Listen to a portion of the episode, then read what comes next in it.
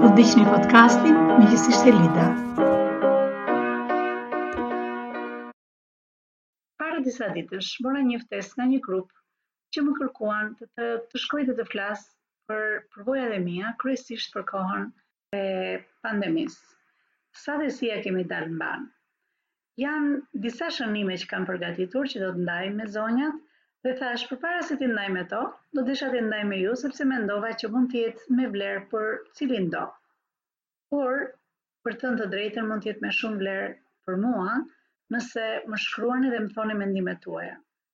Pyetja është e thjeshtë fare që vëmë përpara vetes, në kohën kur e gjithë bota çmëndet dhe çdo gjë duket sikur del kundër nesh, çfarë duhet të bësh? Çfarë duhet të bësh kur ndjen që gjithë bota është kundër teje, gjithë bota është çmëndur? Pyetja e përgjigja mund të jenë çik të çuditshme si pyetje si përgjigje, po më lejoni të jap përgjigjen e shkurtër që unë mendoj që do të ndaj me këto zonja. Përgjigja e parë është, bëj atë që di të bësh, jep më të mirën tënde. Nxjerr në shërbim të të tjerëve ekspertizën tënde. Mbaj çfarë ke më të shenjtat, si vlerat e tua dhe mos lër të të pengojnë, përkundrazi, bëj që këto vlera të jenë karburanti që të shtyn të ecësh përpara. Përpara se të vazhdoj të shpjegoj diçka, më lejoni të them, çfarë mund të jetë për shembull poli i veriut për dikë? Poli i veriut, në rastin konkret, në rastin tim dhe të klientelës sime, është tregu yt, produkti yt, vlera që ti shton te të tjerët, nga ku vijnë dhe të ardhurat e tua sigurisht, dhe në qoftë se do të themi çfarë është poli yt i veriut, është gjithmonë ajo pjesë e një martese të mirë, një strategjie me një plan operacional. Dhe në qoftë se do të thoshim në rastin konkret, Çfarë bëhet kur kemi një çmenduri rreth e rrotull, apo kemi një stuhi, apo një rrëmujë të madhe në treg, gjithmonë do kërkojmë të mbajmë polin e veriut. Pra, pyetjes çfarë do të bësh kur gjithë bota duket sikur është çmendur e te, përgjigja do të ishte: çohu në këmbë, shiko ku gjendesh në mes të stuhisë, pra të kësaj rrëmuje në treg, dhe prapë shih ku është poli i veriut i yti. dhe nisu, ec! Kjo ka qenë me çfarë ke vendosur të bësh në tregun e punës. Në fakt, ajo që ka ndryshuar situata rreth teje, nuk ke ndryshuar ti apo oferta që ti ke. Pra të themi, poli yt i veriut ngelet i njëjti.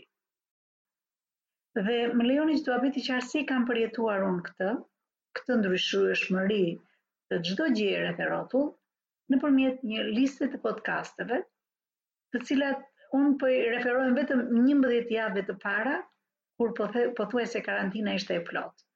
Kur momenti që çdo gjë u mbyll ishte e plot.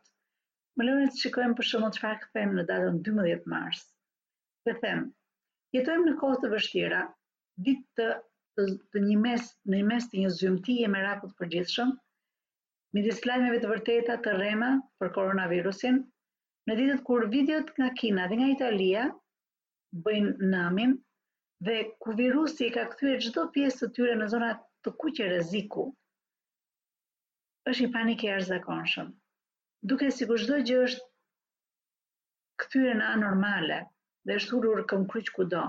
Kafenetë tona bosh, E them kush mund ta mendonte një muaj përpara këtë gjën.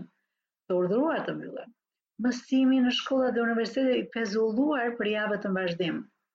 Rrugët me sheshe dhe kalimtarë të rralluar si në ditët e nxehta të gushtit. Të sëmurë që pasi këshillohen të marrin numrin e urgjencës në telefon, sapo mendojnë që kanë kanë shënjat e virusit urdhërohen të qëndrojnë në shtëpi, jo në spital. po në shtëpi, çdo gjë është kaq jashtë normales. Dhe, duke dashur t'ua lënë specialistëve nga mjekësia, të japin mendime dhe këshillat e tyre, si dhe pushtetit vendor e qendror të vënë rregull dhe rregulla për të gjithë që ne t'i zbatojmë, në nëntëmbëdhjetë mars. Lexoj, Mik apo mikesh, sapo dëgjova një lajm nga një televizion kombëtar, Filan person u arrestuar nga policia sepse po ngiste makinën e tij në rrugën e Kavajës në orën dymbëdhjetë të ditës. E mendoni dot para ca javësh si do tingëllonte një lajm i tillë? Absurd! Kështu janë këto kohë tani. Si skena nga filma të realizuar në Hollivudin e viteve shtatëdhjetë, me qytete fantazmë të kërcënuar nga banditë që qëllojnë këdo që guxon të dalë në rrugë. Banditi në këtë rast Covid nëntëmbëdhjetë. Java e katërt e karantinës, katër prill njëzet njëzeta. Kujt i bën mirë kjo kohë e keqe? Quhen këto kohë të këqija? Lexoj. Sa prej jush, kur dëgjoni sot, jetojmë në kohë të keqe, në kohë kur jemi si të burgosur brenda, kur duhet të dalim për një orë dhe në atë kohë e alternojmë me të tjerë në familje sepse lejohet veç një person nga familja të dalë një orë Sot bile dëgjova një mike që tha, doja të hidhja plehrat dhe për herë të parë thashë sikur të ishin çik më larg që të ecja pak më shumë. Termi vetë kohë të frikshme apo kohë të këqija mund të përkufizohet ndryshe nga njerëz të ndryshëm. Ja të mundohemi ta përkufizojmë si e mendoj unë. Është si zona e gjërave në ndryshim të vazhdueshëm, kur të duhet të parashikosh çfarë do të vijë dhe të mos jesh kurrë i sigurt për vete, për çfarë po vjen. që çfarë vjen nuk varet nga ty, por nga një shumicë të tjerësh që janë aty jashtë, jashtë zonës tënde. Është vendi dhe zona ku duhet që brenda rregullave të ekosistemit të vendosura nga të tjerët, të duhet të bësh rregullat e tua, strukturën tënde, në kalendarin e përcaktuar nga ty. Është një zonë ku je totalisht njëqind për qind përgjegjës ti për të ardhurat e tua. sepse nuk mund t'i marrësh nga dikush tjetër. Kur duhet të krijosh e të dalësh në treg në mënyrën më të ndryshme të mundshme për të dhënë vlerë te të tjerët dhe kësisoj të krijosh të ardhurat e tua. Për më tej, vazhdojmë me këtë përkufizim. Je në zonën ku nuk pret nga të tjerët të krijojnë mundësi për ty, po përvesh mëngët dhe fillosh të krijon dhe fillon të krijosh vlerë për të tjerët. Mendoni, që sapo kam përshkruar atë që quhet kohë e keqe, e dikujt në karantinë sot, të gjitha këto të vëna në kuotë. Në kohën kur tregu i punës mbyllet pothuajse totalisht dhe njerëzit nuk kanë fuqi blerëse.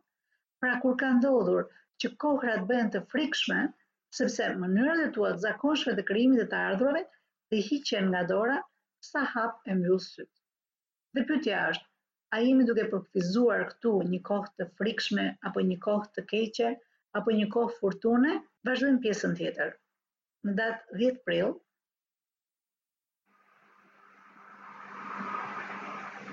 datë dhjetë prill dhe vazhdojmë me pjesën tjetër. Miq jam duke lexuar pjesë nga podcasti nga ditarët e javëve njëmbëdhjetë javëve të para të karantinës në Shqipëri.